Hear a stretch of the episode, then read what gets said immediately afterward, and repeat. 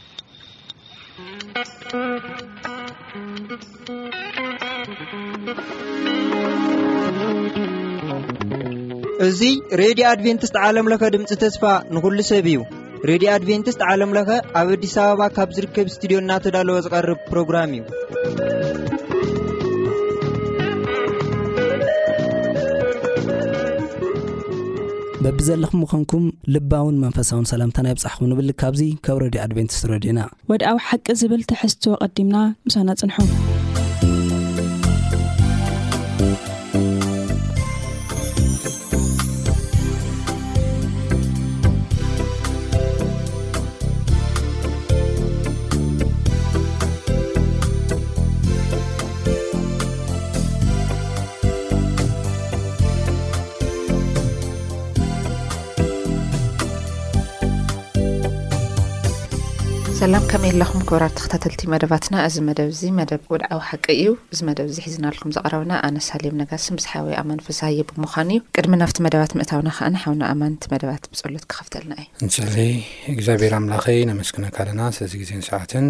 ምሕረትካ ኣሕሊኻ ናብ ስለ ዘብጻሕካና ካብ ክፉእ ነገር ስለ ዝሰወርካና ተባረኽ ሕጂ ድማ ቃል ኣብ ንካፈለሉ እዋን ንስኻ ክተምህረናን ክትመርሓናን ንልምነካ ብጎይታ መድሓኒ የሱስ ክርስቶስ ስም ኣሜን። ኣሜን ናይ ሎማዕንቲ እንርእዮ ሻድሻይ ክፋል ኾይኑ ክልዓል እየ ልብል ኣርእስቲ ዝጽናዕ ጥቕሲ ደማ ስለ ምግፋዕ ጥቑዓት ስለ ብኽያት መስኪን ሕጂ ክትንስእ ነቲ ዝናፍቕዎ ምድሓን ከምጸኣሎም እዩ ዝብል መዝሙረ ዳዊት ዓሰርተ ክልተ ፍቕዲ ሓሙሽተ ክኸውን ኣብ መእተዊ እንታይ ይብለና እቲ እከይ ዘይፍትሓዊ ጭጎና ዝነግሰሉ ዘበን ዘበንና ጥራይ ኣይኮነን እቶም ዘመርቲ እውን ኣብ ከምዚ ዝኣምሰለ ዘበን እዮም ዝነብሩ ዝነበሩ ብዝኾነ ይኹን ድማ እቶም መዛሙራት ኣንጻር ጭቆናን ግፍዕን ኣብ ዓለምን ኣብ ዓለምናን ናይቶም ዘመርቲ ዓለም እዮም ዝዛረቡ። እወ እግዚኣብሔር ኩላቶም ክምለሱ ናብ ንስሃ ክመጹ እምበር ከይጠፍኡ ስለ ዝደሊ ይዕገስ ይጻወር እዩ ካልኣይ ጴጥሮስ ሰለስተ ካብ ትሽዓተ ክስካብ ዓሰርተ ሓሙሽተ ዝብል ሽሕ እኳ እቲ ናይ እግዚኣብሔር ሰደቓ ግዜ ምስቲ ናይ ደቂ ሰባት ዘይገጥም እንተኾነ እግዚኣብሔር ግና ብእዋኑ ፍትሒ ክገብር እዩ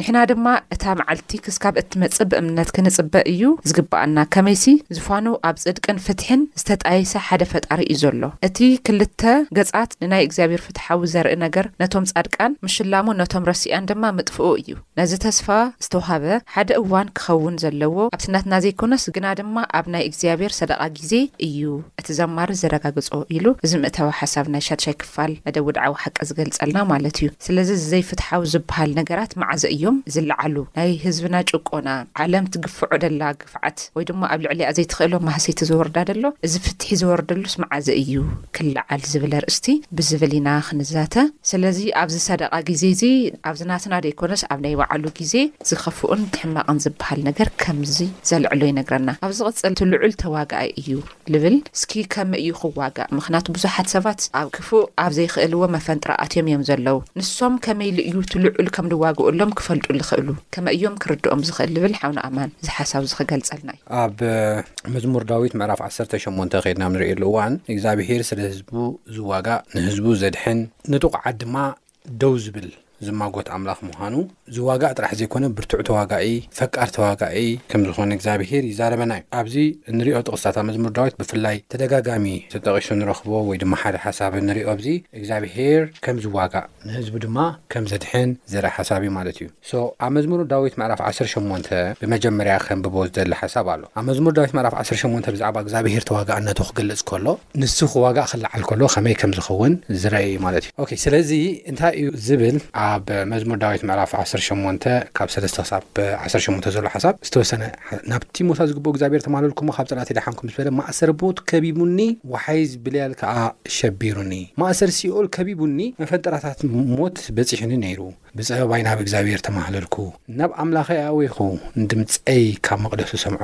ኣውያተይ ናብ ቅድሚኡ ኣብ ኣእዘኑ በጽሐ። ሽዑ ምድሪ ተናወጸት፣ ራዕራዕ በለት፣ መሰረታት ኣኽራን ከኣ ኣንደቕደቑ። ንሱ ነዲሩ እዩ እሞ፣ ኣንቀጥቀጡ፣ ካብ ኣፍንጭኡ ትኪ ፈለል በለ፣ ካብ ኣፉ ኸኣ ሞኽ ዝብል ሓዊ ወጸ። ጓህሪ ኻብኡ መጸ፣ ኣብ ትሕቲ ኣእጋሩ ብርቱዕ ጣቓ ነበረ። ንሰማያት ለጠቕ ኣቢሉ ወረደ፣ ኣብ ኬሩቤል ተቐሚጡ ኸኣ በረረ። ቀልጢፉ ብኽናፍ ንፋስ ሸበበ፣ ንሱ ንጸልማት ንመሰወሪኡ፣ ጸልማትን ማያት ብርቱዕ ደበናትን ከኣ ንድኳኑ ኣብ ዙርያኡ ገበሮ። ብነጸብራቕ ገጹ ደበናታት በረድ ጓህሪ ሓውን ሓለፈ፣ እግዚኣብሄር ድማ ኣብ ሰማያት ኣንጐድጐደ፣ እቲ ልዑል ብበረድን ብባህርን ሓውን ድምጹ ኣስምዐ፣ ፍላጻቱ ወርወርዩ ፋሕ ኣበሎም፣ መብረቕ ኣብዚሑ። ዓሕ ደሞም ብተግሳጽካ እዎ እግዝኣቢሄር ብእስትንፋስ ኣፍንጫኻ መዓሙቕ ማያት ተራእዩ እሞ መሰረታት ዓለም ተቐልዐ ካብ ላዕሊ ልኢኹ ሓዘኒ ሲሒቡ ካብ ብርቱዕ ማያት ኣውጸእኒ እቲ ብርቱዕ ጸላያየይ እቶም ዝጸልኡንን ሓይሎምንን ኔሮም እሞ ካብኦም ኣናገፈኒ እግዝኣቢሄር ይመስገን ብመዓልቲ መከራይ ሓደጋ ወዲቕኒ እግዝኣቢሄር ግና ደጋፍየይ ኮነ ይብለና ኣብዚ እንሪኦ እግዝኣቢሄር ሓያል ተዋጋኣይ ከምዝኾነ ኢና ንርኢ እዚ ሓያል ተዋጋኣይ ግን ኣምላኽ ግን ክዋጋእ ከሎ ዓላምኡ ሓደ ንድኻታት ንጥቑዓት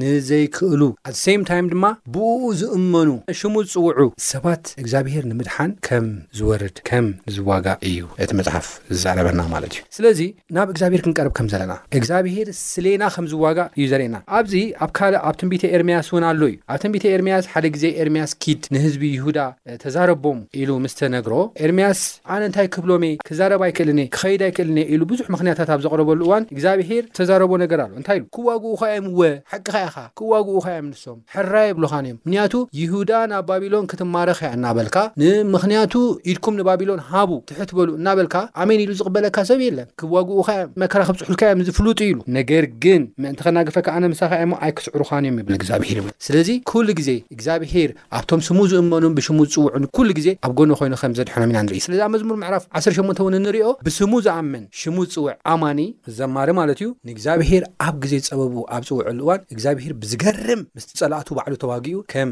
ዘድሓኖ፣ ከም ዘናገፎ ካብ ጥፍኣት እዩ ዝዛረበና ማለት እዩ። ካልኣይ ኣብዚ ዘርእየና ነጥቢ እንታይ እዩ እግዚኣብሄር ስለ ድኹማት፣ ስለቶም ኣመንቱ፣ ስለቶም ሽሙ ዝጽውዑ ጥራሕ ዘይኮነ ዝዋጋእሲ ነገር ግን ናይ እግዚኣብሄር ሞቲቭ፣ እግዚኣብሔር ስለ ህዝቡ ክዋጋእ ከሎ እቲ ናይ እግዚኣብሔር ሞቲቭ ወይ ድማ እቲ ናይ እግዚኣብሔር ድሌትን ሓሳብን ምድሓን እዩ ምንጋፍ እዩ ካብ ጥፍኣት ካብ ሞት ካብ ውድመት ምንጋፍ እዩ ናይ ፀላእቲ ሓሳብ ነዚ ዘማሪ ከጥፍእዎ እዮም ነይሮም ክቐትልዎ እዩ ነይሩ ከውድምዎ እዩ ነይሩ ነገር ግን እግዚኣብሔር ከም ዘድሓነ ኢና ንርኢ ስለዚ እግዚኣብሔር ተዋጋእ እዩ ክንብል ከልና ዝዋጋእ ንህዝቡ ንኸድሕን ዝዋጋእ ነቶም ሽሙ ዝፅውዑ ነቶም ብኡ ዝኣምኑ ንኸድሕን ከም ዝኾነ ናይ እግዚኣብሔር ዓላማ ኢና ንርኢ እሱ ጥራሕ ዘይኮነ ናይ መወዳእታ ነጥብኻ ኣብዚ ክሪኦ ዝደሊ ሓደ ሓሳብ እንታይ እዩ እግዚኣብሄር ብርቱዕ ተዋጋኢ እዩ ኣብ ውግእ ተሰሊፉ ዝተሳዕረሉ ሓደ ግዜ እኳ የለን እግዚኣብሄር ሓያል እዩ ጥበበኛ እዩ ኣይተሳዕረን ኣይሳዓርን እዩ ንዘልኣለም እውን ከም ዘይሳዓር መፅሓፍ ቅዱስ ይዛረበና እዩ ዓቢ ኣምላኽ ስለ ዝኾነ ማለት እዩ ምናልባት ኣብዚ ዘለዋ ክልተ ጥቅስታት ተዋህባና ብምንባብ ክውድእ ይደሊ እታ ሓንቲ ኣብ መዝሙር ዳዊት ምዕራፍ ሰብዓን ሽዱሽተን ዘላ ሓሳብ እያ። መዝሙር ዳዊት ምዕራፍ ሰብዓን ሽዱሽተን ምስዚ ሕጂ ሒዝናዮ ዘለና ሓሳብ ዝተሓሓዝ እዩ፣ ካብ ሰለስተ ክሳብ ትሽዓተ ዘላ ከምዚ ትንበብ፣ እንታይ ይብል? ኣብኡ ናይ ቀስቲ ፍላጻ ዋልታን ሰይፍን መሳርያ ውግእን ሰባበረ ይብለና። መን እግዚኣብሄር? ንስኻ ካብ ኣኽራን መንጠልቲ ዝበልጽ ብሩህን ክቡርን ኢኻ። እቶም ተባዓት ልቢ ተገፍፉ፣ ድቃሶም ደቀሱ፣ ኵላቶም ጀጋኑ ኣእዳውን ኣይረኸቡን። ዋ ኣምላኽ ያእቆብ፣ ብተግሳጽካ ሰረገላታትን ኣፍራስን ድቃስ ከቢድዎም ዛሕ በሉ፣ ንስኻ ግና እትፍራሕ ኢኻ። ንስኻ ግና እትፍራሕ ኢኻ፣ ክትቍጣዕ ኸሎኻ ኣብ ቅድሜኻ መን ደው ክብል ይኽእል? ፍርድኻ ካብ ሰማይ ኣስማዕኻ፣ ኣምላኽ ንዅሎም ትሕታት ምድሪ ምእንቲ ኼድሕን ንፍርዲ ምስ ተንስኤ፣ ምድሪ ፈርሀት፣ ስቕ እውን በለት ይብለና። ስለዚ ኣብዚ እቲ ቕድም ኢለ ዝብሎ ዝነበርኩ ብግልጺ ኣብዚ ሓሳብ እዚ ክገልጾ ኸሎ ኢና ንርኢ። ምናልባት ኣብ መዝሙር ዳዊት ምዕራፍ ሚእትን ኣርባዓን ኣርባዕተን ዘለዋ ክልተ ጥቕሲ ከንብበን ድማ ይፈቱ። መዝሙር ዳዊት ምዕራፍ ሚእትን ኣርባዓን ኣርባዕተን እንታይ ይብለና? ካብ ሓሙሽተ ክሳብ ሸውዓተ ዎው እግዚኣብሄር ሰማያትካ ለጠቅ ኣቢልካ ውረድ ነኽራን ተንክዮ እሞ ክተክኽ መባርቅ ኣብርቅ እሞ በትኖም ፍላጻታትካ ወርዊርካ ኣሸብሮም ኣእዳውካ ካብ ላዕሊ ዘርግሕ ካብ ብርቱዕ ማያት ካብ ኢድ ውሉድ ጓና ኣናግፈኒ ክብል ከሎ ኢና ንርኢ እዚ እንታይ እዩ ዘምህረና ክንብል ከለና እግዚኣብሄር ብርቱዕ ተዋጋኣይ ምዃኑ ንህዝቡ ከድሕን ኣብ ክንዲ ህዝቡ ዝዋጋእ ኣምላኽ ምዃኑ እንተ ተረዲእና ናብ ኣምላኽ ክንጽልይን ናብ ኣምላኽ ክንቀርብን ናብኡ ክንጽንቀዕን ከም ዝግባኣና እዩ እዚ መዛሙርቲ ዝነግረና ማለት እዩ። ጽቡቕ እግዚኣብሔር ይባርኽካ ኣብ ዝቕጽል ክፋል ክንርኣ ከለና ፍትሒ ንውጹዓት ባይ ዘ ዌይ እቲ ልዑል ተዋጋኣሊ ዝብል ፍትሒ ዘውጽእን ተዋጋእን ሓደ ኣምላኽ ከም ደሎ ኮይኑ ብዙሓት ዓለም ትርእዮ መንጸር እቶም ናይ ዓለም ሃፋትም ወይ ድማ ናይ ዓለም ጨካናት ምድሪ ፍትሒ ክተውጽኦሎም ኣይትደልን ክጠፍኡ ገለ እዩ ዝደሊ እግዚኣብሔር ግን ነቶም ጨካናት ውን መዓልቲ ክህቦም እዩ ዝደሊ ለዋላዊ ሓደ ሳንቲም ገጽታ ዘለዎ እዩ መሓርለ እዩ ፍትሓዉለ እዩ እግዚኣብሔር ኣምላክ ስለዚ ፍትሕ ዝኮነ ግን እግዚኣብሔር ነቶም ተኣመንቲ ንዝኮኑ ሰባት እዩ ድኻ ክብሎ ከሎሲ ብናይ ካልኦት ርድኢት ከይንብል ቶም ሃፋትም ዉን እግዚኣብሔር ታይ ይገብረሎም እዩ ፍትሕ የዉጸሎም እዩ ቶም ድኻታት ዉን ፍትሕ የዉጸሎም እዩ ግን ብግልጺ እንታይ ይብለና ነቶም ጭቁናት ማሕበረሰቡ ነቶም ዘይተርኣዩ ነቶም ዝተረስዑ ንኹሎም እግዚኣብሔር እንታይ ከም ዝገብረሎም ፍትሒ ከም ዘውፅኦሎም ግን ኣብዚ እንታይ ይብለና ፍትሒ ንውፁዓት ክብል ከሎ ነቶም ዝተረስዑ መዝሙር ምዕራፍ ትሽዓተ ፍቐዲ ዓሰርተ ሸሞንተ እንታይ ይብልሲ ድኻ ንሓዋሩ ኣይርሳዕን እዩ እሞ ተስፋ ፅጉማት እውን ንዘልኣለም ኣይጠፍእን እዩ ምኽንያቱ እግዚኣብሔር ንኣኣቶም እንታይ ክገብር እዩ ግዜን ሰደቓን ከም ዘቕመጠሎም እግዚኣብሔር በዚ ግዜ ንሱ መፅዩ ከም ዘራኸቦም ይብለና ኣብ ወገን ካልኦት ኮይና ክንርእዮ ከለና መብለታት ስደተኛታት ሓድሓድ ሰባት ኣብ ስደት ቦታ ክኾኑ ከለዉ ንኻልኦት ረሲዖም ኣምላኽ እኮ ስደተኛታት ዘይንዕቕ እዩ እሉ ክኻልኦት ቦታ ኮይኖም ከኣ ኣብታ ናቶም ቦታ ኮይኖም ጥራሕ ከኣ ንእግዚኣብሔር ኮነ ዘይርስዑ ንእግዚኣብሔር ንኹሉ ኣይርስዕን እግዚኣብሔር ንኹሉ እዩ ፍትሒ ዘውጽእ ግን ኣውዚ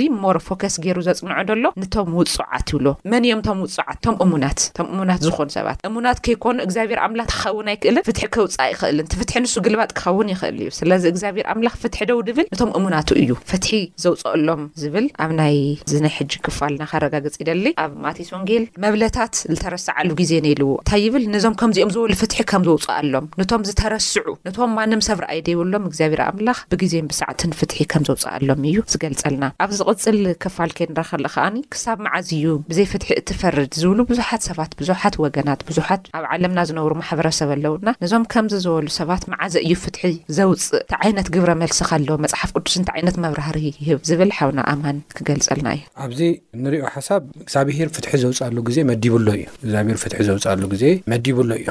ንሱ ድማ ኣብ መወዳእታ ግዜ ከም ዝኾነ መጽሓፍ ቅዱስ ይዛረበና እዩ ኦኬ ስለዚ እቲ ናይ መወዳእታ ግዜ እግዝኣብሄር ፍትሒ ንኹሉ ዓለም ዩኒቨርሳሊ ፍትሒ ዝዕምብበሉ ወይ ድማ ጎሊሑ ዝረኣየሉ ዝወጸሉ ግዜ ርሑቕ ኣይኮነን ዓለም ኣምላኻዊ ነገር ግን ኣብዚ ከለና ቅድሚ እቲ ፍርዲ ቅድሚ እቲ ዋና ፍርዲ ግን እግዚኣብሄር ብዙሕ ግዜ ንህዝቡ ብምወጋእ ን ኣብ ቅንዲ ህዝቡ ደው ብምባል እግዚኣብሄር ንህዝቡ ፍትሒ ከውጽእ ከሎ ክብይን ከሎ ክዋጋእ ከሎ ኢና ንርኢ ኢንፋክት ናይ ምውግኡ ዋና ዓላማ ፍትሒ ንምውጻእ ከም ዝኾነ ኢና ንርኢ ነገር ግን እንታይ ኢና ክንገብር ዘለና ሰብ ከ እንታይ እዩ ክገብር ዘለዎ ከም መራሕቲ እግዚኣብሄር ዝሃቦ ስልጣን ከ እንታይ እዩ ክገብር ዘለዎ ንዝብል ኣብ መዝሙር ዳዊት ምዕራፍ ሰማንያን ክልተን ዘሎ ሓሳብ ከንብቦ ይደሊ ኣምላኽ ኣብ ማእከል ኣማልኽቲ ይፈርድ ኣሎ ክሳዕ መኣዝ ኢኹም ሓሶት ትፈርዱን ንገጽ ረሲኣን እተዳሉ ንምግዱርን ዘኽታምን በይኑሎም ንጭኖቖን ምስኪንን ፍትሒ ኣውጽኡሎም ንድኻን ምስኪንን ኣናግፍዎም ካብ ኣእዳው ረሲኣን ኣድሕንዎም ኣይፈልጡን ኣይስተውዕሉን ኣብ ጸልማት ይመላለሱ ብዘሎ መሰረታ ምድሪ ይናወጽ ኣሎ ኣነስ ኣማልኽቲ ኢኹም ኩላትኩም ውሉድ ትልዑል ኢኹም ግናኸ ከም ሰብ ክትሞቱ ከም ሓደ ካብቶም መሳፍንቲ ክትወድቂ ኢኹም በልኩ ዋ ኣምላኽ ንኹሎም ኣህዛብ ክተወርስሲ ተንስእ ንምድሪ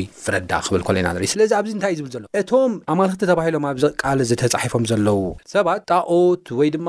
ኣጋንቲ ወይ ድማ ቅዱሳን መላእኽቲ ኣብ ሰማይ ዝነብሩ ኣይኮነን። ብዛዕባ እቶም ኣብ ምድሪ ዘለዉ ገዛእቲ፣ ነገስታት፣ እቶም ስልጣን ዘለዎም ሰባት እዩ ዝዛረብ ዘሎ። ስለዚ እግዚኣብሄር ፍትሒ ዘውጸሉ ግዜ፣ ዓለም ለኻዊ ፍትሒ ዘውጸሉ ግዜ ከምቲ ዝበልኩ ቀሪቡ እዩ። ሕጂ ውን እግዚኣብሄር ስለ ህዝቡ እናተዋገ ፍትሒ የውጽእ ኣሎ እዩ። ኣብ ስራሕ እዩ ዘሎ። ክወፉ ኣይኮነን ኢሉ ዘሎ። ኣብ ስራሕ እዩ ዘሎ በብመዓልቱ። እንተኾነ ግን እግዚኣብሄር ጥራሕ ዘይኮነ ንሕና እውን እግዚኣብሄር ኣብቲ ዝሃበና ቦታ እቶም መራሕቲ እውን በቲ ዝተዋህቦም ቦታ ፍትሒ ከውፅኡ ንኣምላኽ ክፈርሑ ከም ፍቓዱ ክመላለሱ ከም ዘለዎም እዩ ዝዛረበና ማለት እዩ መራሕቲ እንታይ እዩ ዝብል ኣብዚ ንምጉድሉን ዘኽታምን በይኑሎም ድኻ እዩ ሰብ የብሉን እንታይ ከይምፅእ ኢልኩም ኣይትዓምፅዎም እዩ ናይ ገዛእ ፍቓድኩም ድሌትን ሓሳብን ንምምላእ ወይ ድማ ንምርዋይ ጥራሕ ኣይትጉየዩ ምኽንያቱ እግዚኣብሄር ኣብቶም ኣማልኽቲ ኢና ኣብቶም ገዛእቲ ኢና ስልጣን ኣለና ዝብሉ ሰባት እውን ክፈርድ እዩ ኢንፋክት እዚ ዘማራይ ኣሳፍ እዩ ኣሳፍ ኣምላኽ ፍረዳ ነዛ ምድሪ ፍርዲ ጎዲሉ ፍትሒ ጎዲሉ እዩ እሞ ነዛ ምድሪ እዚኣ ፍረዳ ኢሉ ክጽሎ ከሎ ኢና ንርኢ ነገር ግን ባዕሉ እግዚኣብሄር ኣምላኽ ኣብ ማሕበር ኣማልኽቲ ደው ክብል ኣብ ማእከል ኣማልኽቲ ድማ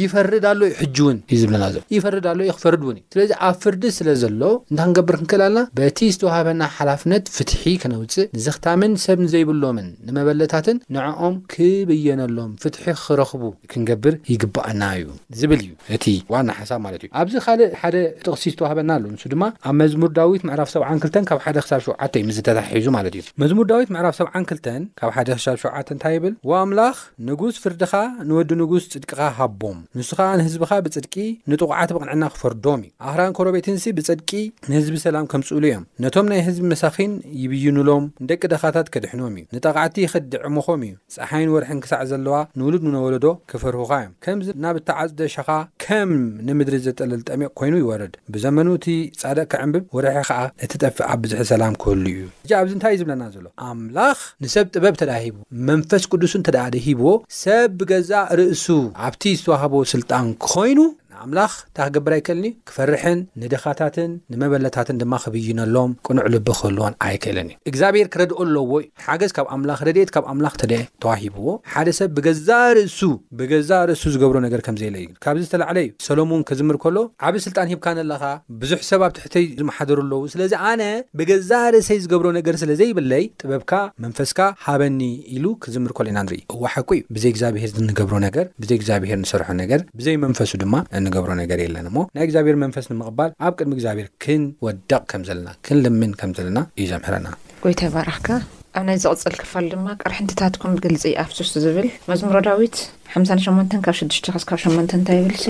እግዚኣብሔር ነስናኖም ኣብ ውሽጢ ኣፎም ይሰብር እግዚኣብሔር ናይ ኣናብስ መንጋጋ የድቅ ከምዚ ውሕዝ ማይ ክመኩ እዮም ክስካዕ ዝደኽሞም ፍላጻታቱ ይግትር ከምቲ ዝመክኽ ሽምዒ ክሃልቁ እዮም ከም ትቕላዕ ሰበይቲ ጸሓይ ኣይረኣዩን። ኣብ ስሳን ትሽዓተን ቅርሕንትታቶም ከስምዑ ከለዉ እዞም ዘመርቲ እንታይ ይብሉብዚ ካብ ዕስራን ክልተን እስካብ ዕስራን ሸሞንተን ከምዚ ኢሉ ይጽሕፎ እቲ ጸሓፊ። እቲ ዘማሪ መኣዶም ኣብ ቅድሚኣቶም ንመጻወድያ ንፍዳ ንዕንቅፋት ትኾኖም እዒንቶም ከይሪኣ ይጽልምታ ዝባናቶም ኩልሻዕ ይጎብጥ መዓትካ ኣብ ልዕሊኣቶም ኣፍስስ ቁጥዓ መቅሰፍትኻ ይረኽቦም መሕደሪኦም በረኻ ይኹን ኣብ ድንኳናቶም ዝነብር ኣይረኸብ ነቲ ንስኻ ዝቀሰፍካዮ ንሳቶም ኣሳጎጎም ኣብ ልዕሊ ቁስለይ ውን ቃንዛ ወሰኹለይ ኣብ ልዕሊ ሓጢኣቶም ሓጢኣት ወሰኾም ናብ ጽድቅኻ ውን ኣይእተዉ ኣብ መጽሓፍ ህያዋን ይደምሰሱ ጻድቃን ውን ሓፍ ኢሎም ኣዕንትታቶም ከስምዑ ከለዉ ኢና ንረኢ ኣብ ጽሕፈት እዚ ምኽናቱ ኣብ ልዕሊ እዞም ዘይከኣል ግፍዒ ዝበጽሖም ኣህዛብ እዚ ዘማሪ ናይ ባዕሉ ሓሳብ ክገልጽ ከሎ ኢና ንርኢ ምኽናቱ ጻድቃንስ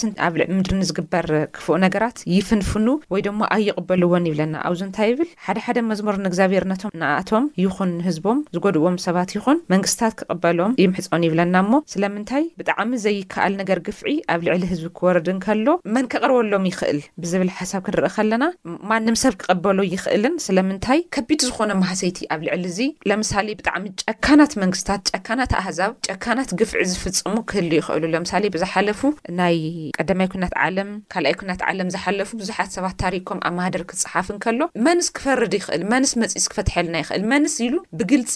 ብመጽሓፍ ሓሳቦም ከም ዝጸሓፍ ይነግረና። እዚ ከምዚ ዓይነት ሓሳብ ሒዝካስ ኣብ ቅድሚ እግዚኣብሔርስ ምጽላይ ይከኣልዶ ንዝብል ግልጺ ከም ዝፍቀድ ይነግረና። ቅርሕንትታትና ናብ እግዚኣብሔር ኢና ከነቕርብ እንኽእል ምኽንያቱ ንሱ ከኣኒ ኣብ ኢዱ መልሲ ኣለዎ። ኣብዚ ታይ ይብል ብዝኾነ ግና እቶም ዘመርቲ ንጭቆና ምጽያፎም ጽቡቕ ነገር እዩ። ስለምንታይ ቅርሕንትኻ ናብ እግዚኣብሔር ክተቕርብ እንከለኻ ኣይተቐበልካዮምን እቲ ተግባራቶም። ስለምንታይ ጽቡቕ ኣይኮነን ጽቡቕ ዝኾነ መኣዲ ኣይኮነን። ጽቡቕ ዝኾነ ባህርያት ኣይኮነን ደለዎም ስለዚ ታይ ክኸውን ክኸን ኣለዎ ክነጽግዎ ክኽእሉ ኣለዎም ሱቕታ መልሲ ኣይኮነን እንዶም ብግልጺ ቅርሕንትኻ ኣብ ቅድሚ እግዚኣብሔር ክተቕርብ እንከለኻ ደስ እንዳበሎ ከም ልሰምዖ ይነግረና እዚ ድማ እዞም ዘመርቲ ካብቲ ካልኦት ሰባት ዝገብርዎ ንላዕሊ እከይ ሰናይ ፈላልዮም እዮም ዝርእይዎ ምኽናቱ ሰናይን እከይን ክፍለ ዝግብኦ ነጥቢ እታ ትፈላለዩ እሜም ኣብ ቅድሚ እግዚኣብሔር ባይ ዘ ወይ ኣብዚ መጽሓፍ መዝሙር እዚ ሓንቲ ርእሲ ኣይቀረየትን ንሕድሕድ ነፍሲ ወከፍ ኣብ ዓለም እትግበር ባህርያት ተጻሒፋ እያ ስለምንታይ ክቅበልዎ ዘይደልይዎ ነገር ብምልኡ ኣብ ቅድሚ እግዚኣብሔር ሓሳቦም ከም ዘቅረቡ እግዚኣብሔር ከኣ ነቲ ሓሳቦም ግብረ መልሲ ከኣ ከም ዝመለሰ ዘርኢ ከኣ ኣብ ካሊእ ምዕራፍ ከም ዘሎ ይነግረና ማለት እዩ ብዝኮነ ግና እዞም ዘመርቲ ኣብ ዝኮነ ይኩን ቦታ ንዓርሳቶም ከም ካልኦት ናይ ፈዳይ ሕነ ገይሮም ኣቅሪቦም ኣይፈልጡን እዮም እዞም ዘመርቲ ነቲ ምፍዳይ ሕነ ሙሉእ ብሙሉእ ናብ ኢድ እግዚኣብሔር እዮም ዝገደፍዎ። እዞም ዘመርቲ ብዛዕባ እቲ ናይ ኣብ ዘዳግም ዕስራን ሸውዓተን ኪዳኑ ንኽፍጽም እዮም ኣሕሊፎም ዝሃብዎ። ስለምንታይ ንሶም ኣብቲ ናይ ምፍዳይ ሕነ ክስለፉ ኣይደለዩን ምኽንያቱ እንታይ እዩ ልብል ንሱ ናይ በቀል ኣምላኽ ከም ድኾነ እንዳ ዘከሩ ቅርሕንቶም ግን ናብ እግዚኣብሔር ኣምላኽ ከም ዘቅረቡ እዩ ዝነግረና ኣብ ዘዳግም ዕስራን ሸውዓተን ካብ ትሽዓተ ክስካብ ዓሰርተ ሽዱሽተ ኣሎ ጥራይ እዮም ዘዘከርዎ ስለምንታይ ኪዳኑ ትማል ኣቲ እዩ ኪዳኑ ክፍጽም ከም ዝግብኦ ኢዮም ሪማይንድ ዝገብሩ ዝነበሩ እምበር ኣብቲ ቦታ ንሱ ንብዓሎም ከም ፈዳይ ሕነ ኮይኖም ኣይቀረቡን። ቀርሕንትታቶም ብርግጽ ኣብ ቅድሚ እግዚኣብሄር ኣቕሪቦምዎ ኢዮም፣ እቲ ቅርሕንቶም ግን ብዘገርም መንገዲ ኢዮም ኣቕሪቦምዎ። ለምሳሌ ኣብ ሓደ ሓደ ውረድ ፍረድ ልብል ነገር እኒኦ፣ ስለምንታይ ንሶም ክፈርዱ ኣይክእሉን፣ ንሶም ክወርዱ ንሶም ግፍዒ ክፍጽሙ ኣይክእሉን። እንተደኣ ፈጺሞም ደኣ ካብኦም ክነኣኣስሉ ዝኽእሉ ገጸ ባህርያት ክጫወቱ ዝኽእሉ። ስለዚ እንታይ ይብለና? ንእግዚኣብሄር ቅርሕንትታቶም ከቕርቡ ከለዉ ንእግዚኣብሄር ሪማይንድ ይገብርዎ ኔሮም። ብኣፍ ሙሴ ተዛሪብካ ኢኻ ሕጂ ግበር ፈጽም እዮም ዝብልዎ ዘለዉ። ኣብ ሱሳን ትሽዓተን ፍቐዲ ዕስራን ክልተን ክንርእ ከለና ትማሊ ተዛሪብካ ኢኻ ግበራ ዓይነት እያ ኔራ። ስለዚ ቅርሕንትታትና ክነቕርብ ግልጺ ዝኾነ መድረኽ ከም ዝተኸፈተልና ነገር ግን ኣብ ናይ ፈዳይ ሕነ ክንቕመጥ ግን ኣይተጸዋዕናን። ስለዚ ቅርሕንትና ሒዝና ክንቐርብ እዩ እዚ ሓሳብ ዘዘኻኽረና ማለት እዩ። በኣርከስ እዚ መዛዘሚ ቶ ሓሳብና ክኸውን እዩ። ብዛዕባ እዚ ሓሳብዚ ዝገልጸልና ሓውና ኣማን ፍስሓየ ክኸውን እዩ። ሕራይ ኣብ ናራኣናዮ ዘለና ሓሳብ እግዚኣብሄር ተንሲኡ ወይ ድማ ክትንስእ እየ ዝብል ሓሳብ ኣብ መዝሙር ዳዊት ምዕራፍ ዓሰርተ ክልተ ፍቕዲ ሓሙሽተ ዘሎ ሓሳብ እዩ እሞ ስለምንታይ እዩ ዝትስእ ክንብል ከለና ፍትሒ ንኸውጽእ ንድኻታት ንውጹዓት ንዘኽተማት ንመበለታት ንሰብ ዘይብሎም ንዝተገፍዑ ፍትሒ ንኸውጽእ ንኽረድእ ምግቢ ንኽህብ ደው ከብል ክፍውስ ከናግፍ ከድሕን እዩ እግዛብሄር ዝትንስእና ኣብ ዘመናት ኩሉ እግዛብሄር ኣብ ስራሕ እዩ ኣብ ዕዮ እዩ እናተንሰኤ ንህዝቡ እናድሓና እናተንሰኤ ንህዝቡ እናናገፈ ፍትሒ እናውፀኤ እናረደኤ እዩ ዘሎ ኣብ መወዳእታ ድማ መላእ ዓለም ለኻዊ ዝኾነ ምድሓን ፈውሲ ፍርዲ ፍትሒ ዝወፅኣሉ ግዜ ከምዝመፅእ እዩ ዝዛረበና ስለዚ እዚ ፍትሒ ዝወጽኣሉ ካበይ እዩ ክንብል ከልና መዝሙር ዳዊት ምዕራፍ ተስዓን ሽዱሽተን ካብ ፍቕዲ ሽዱሽተ ኬድና ንርእዮ ልዋን ግርማን ክብረትን ኣብ ቅድሚኡ ሓይልን ጽባቕን ከኣ ኣብ መቕደሱ እዩ ኣብ ሰማያዊ ቤተ መቕደስ ኮይኑ ከም ዝፈርድ ኣብ ሰማያዊ ቤተ መቕደስ ኮይኑ ስራሕ እዚ ከም ዝዓዪ ኣብ ሰማያት ኮይኑ እዚ ፍርዲ እዚ ከም ዝፈርድ እዩ ዝዛረበና ብዛዕባ ሰማያዊ ቤተ መቕደስ ክቡራት ሰማዕትና ምናልባት ከም እግዚኣብሔር ፍቓድ ብዛዕባ ቤተ መቕደስ ኣብ ዝሓለፈ ግዜያትና እውን ርኢናዮ ኔርና ኢና ቅድም ኢልና ኣብ ዝቕጽል እውን ከም ፍቓድ ኣምላኽ ክንርእዮ ክንፍትን ኢና እሞ ኣብ ሰማይ ቤተ መቕደስ ከም ዘሎ እዚ ቤተ መቕደስ ድማ ናይዛ ሰማይ ቤተ መቕደስ ድማ ኣብ ምድራዊ ቤተ መቕደስ ከም ዝነበረ ኢና ንርኢ እዚ ቤተ መቕደስ ከዓ ናይ እግዚኣብሄር ዙፋን ናይ እግዚኣብሄር መንበሪ ከም ዝኾነ ኢና ንርኢ ስለዚ እግዚኣብሄር ካብዚ ኮይኑ ናይ ፍርዲ ካባ ለቢሱ ከም ዝፈርድ እዩ ዝዛረበና ማለት እዩ መጽሓፍ ቅዱስ እንታይ ይብል እግዚኣብሄር ኣብ ከረን ጽዮን ከረን ጽዮን ተባሂሉ ተጻሒፉ ዘሎ ኣብኡ ኣብዚ ቤተ መቕደስ ሰማይ ቤተ መቕደስ ተባሂሉ እዩ ኣብ ከረን ጽዮን መጸውዒ ቅዱስ መቕደስ ናይ ኣምላኽ ይብለና ወዶ ስለዚ እግዚኣብሄር ብፍርዱን ደቁ ከድሕን ከሎ ነቶም ሓጢኣተኛታት ድማ ከም ዝቐጽዕ እዩ ዛረበና ፍትሒ ከም ዘውፅእ እዩ ዛረበና ማለት እዩ ስለዚ እንታይ እዩ ዝብለና መዝሙር ዳዊት ምዕራፍ 96 ሸውዓተ ክሳብ ዓሰርተ ንእግዚኣብሄር ክብሪ ሃብዎ ማንም ማንም ማንም እዚ ዓይነት ፍትሒ ምድሓን ምንጋፍ ዝህብ ማንም የለን ብጀካ እግዚኣብሄር ስለዚ እግዚኣብሄር እዚ ዓይነት ስራሕ ስለ ዝሰርሕ ንድኹማትን ዝተገፍዑን ንጭቁናትን ተሸገሩን ኩሉ ንምንጋፍ ፍትሒ ንምውጻእ ኣብ መወዳእታ ስለ ዝመጽእ ሕጂ ውን እናሰርሐ ስለ ዘሎ ንእግዚኣብሄር ታይ ይብለና ቁጽሪ ሸውዓተ ኣቱም ዓሌታት ኣህዛብ ንእግዚኣብሄር ክብሪ ሃቡ ክብርን ሓይልን ንእግዚኣብሄር ሃብዎ ክብለና ከሎ ኢና ንርኢ መስዋእቲ ሒዝኩም ናብ ኣጸዱ እተው ንእግዚኣብሄር ብቅዱስ ክብረት ስገዱ ክብለና ከሎ ኢና ንርኢ ምክንያቱ እግዚኣብሄር ናይ ድኻታት ፈታዊ ድኻታት ዘፍቅር ውጹዓት ዘፍቅር ንኩሉ ዘፍቅር እዩ ብፍላይ ግን ድኻታት ውጹዓት ዘኽታማት መበለናት መበለታት ሰብ ዘይብሎም ብፍላይ ይፈቱ ኢልና ኢንፋሲስ ክንህብ ከለና ግን ኣብ ምድሪ ብዙሕ ቦታ ዘይብሎም ምድራዊ ሰብ ድማ ብዙሕ ዘይፈትዎም ዘይፍተዉ ሰባት እግዚኣብሄር ስለ ዝፈቱ እዩ እሞ ስለ ዘፍቅር እዩ እሞ በዚ መልክዕ እዚ እቲ ፍሉይን ቅዱስን ኣምላኽና ዓቢ ምዃኑ ተረዲእና ንኣምላኽ ክንሰግደሉን ክብሪ ክንህቦን ይግባእ። ጽቡቕ ክቡራት ሰማዕትና ዝነበረና መደባት እዚ ይመስል ብዝቕጽል ክፋል መደብ ውድዕዊ ሓቂ ክስከ ንራኸብ እግዚኣብሔር ኣምላኽ ጸግኡ ምሕረቱን የብዝሐልና ተወሳኺ ሓሳብን ርእይቶን እንተድኣ ሃልይኩም ብልሙድ መስመራትና ባዶ ትሽዓተ ሰማንያን ትሽዓተን ሰብዓን ሸውዓተን ኣርብዓን ሓሙሽተን ቴስዓ ኢልኩም ብተወሳኺ ስልኪ ቁጽሪ ድማ ዜሮ ትሽዓተ ዓሰርተ ዓሰርተ ኣርባዕተ ሓምሳን ሓደን ዜሮ ሓሙሽተ ከምኡውን ብናይ ኢሜይል ኣድራሻና ቲኣይጂሶንግ ኣት ጂሜይል ዶት ኮም ኢልኩም ሓሳብኩምን ጥያቄኹምን ክተካፍኡልና ከም እትኽእሉ ክነተሓሳስብ ንፈቱ። ተባረኹ። ሰናይ ቀን።